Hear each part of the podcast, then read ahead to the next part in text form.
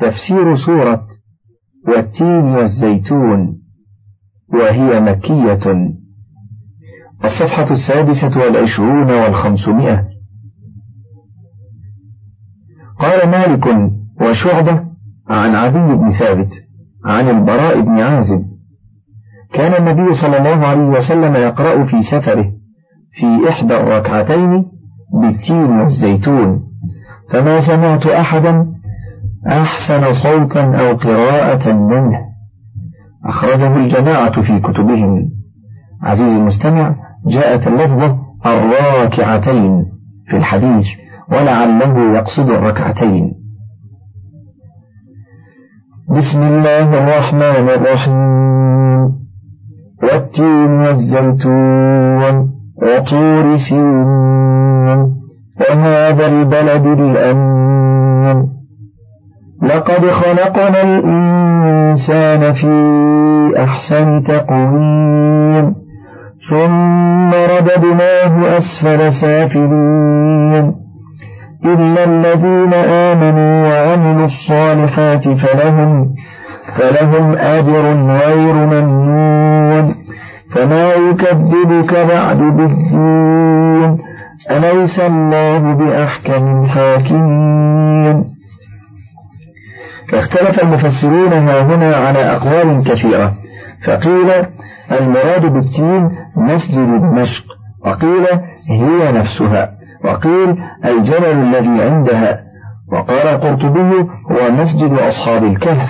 وروى الأوفي عن ابن عباس أنه مسجد نوح الذي على الجودي. وقال مجاهد هو تينكم هذا. والزيتون قال كعب الأحبار وقتاده وابن زيد وغيرهم هو مسجد بيت المقدس. وقال مجاهد وعكرمة هو هذا الزيتون الذي تعصرون.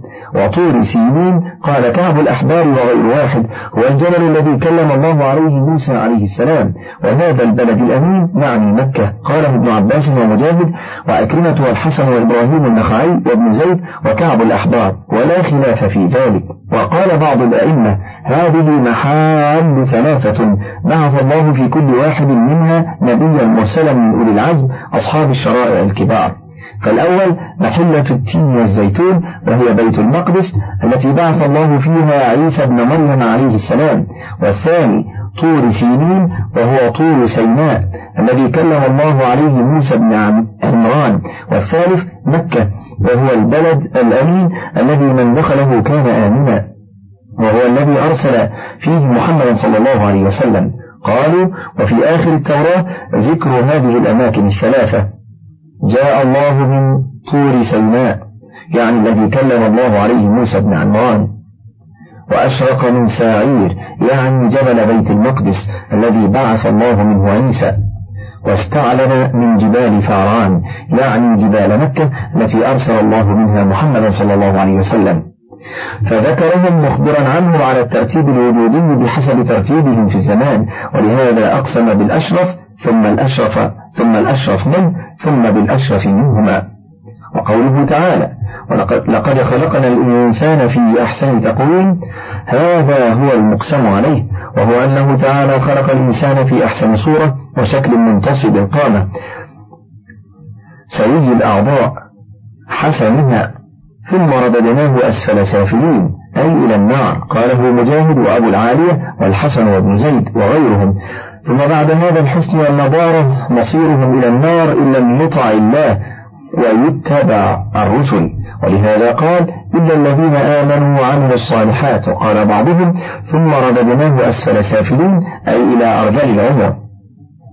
وإلى هذا عن ابن عباس وعكرمة حتى قال عكرمة من جمع القرآن لم يرد إلى أرذل العمر. واختار ذلك ابن جرير ولو كان هذا هو المراد لما حسن استثناء المؤمنين من ذلك لأن الهرم قد يصيب بعضهم وإنما المراد ما ذكرناه كقوله تعالى والعصر إن الإنسان لفي خسر إلا الذين آمنوا وعملوا الصالحات. وقوله فلهم أجر غير ممنون أي غير مقطوع كما تقدم. ثم قال فما يكذبك أي يا ابن آدم بعد بالدين أي بالجزاء في المعاد. ولقد علمت البدء وعرفت أن من قدر على البدء فهو قادر على الرجعة بطريق الأولى. فأي شيء يحملك على التكذيب بالمعاد وقد عرفت هذا. قال ابن أبي حاتم حدثنا أحمد بن سنان حدثنا عبد الرحمن عن سفيان عن منصور قال قلت لمجاهد فما يكذبك بعد بالدين؟ عنا به النبي صلى الله عليه وسلم قال معاذ الله عنا به الإنسان وهكذا قال أكلمة وغيره. وقوله تعالى أليس الله بأحكم الحاكمين؟ أي أما هو أحكم الحاكمين الذي لا يدور ولا يظلم أحدا ومن عدله أن يقيم القيامة فينتصف للمظلوم في الدنيا ممن ظلمه. وقد قدمنا في حديث أبي هريرة مرفوعا فإذا قرأ أحدكم والتين والزيتون فأتى على آخرها أليس الله بأحكم الحاكمين؟ فليقل بلى وأنا على ذلك من الشاهدين. آخر تفسير سورة والتين والزيتون ولله الحمد والمنة.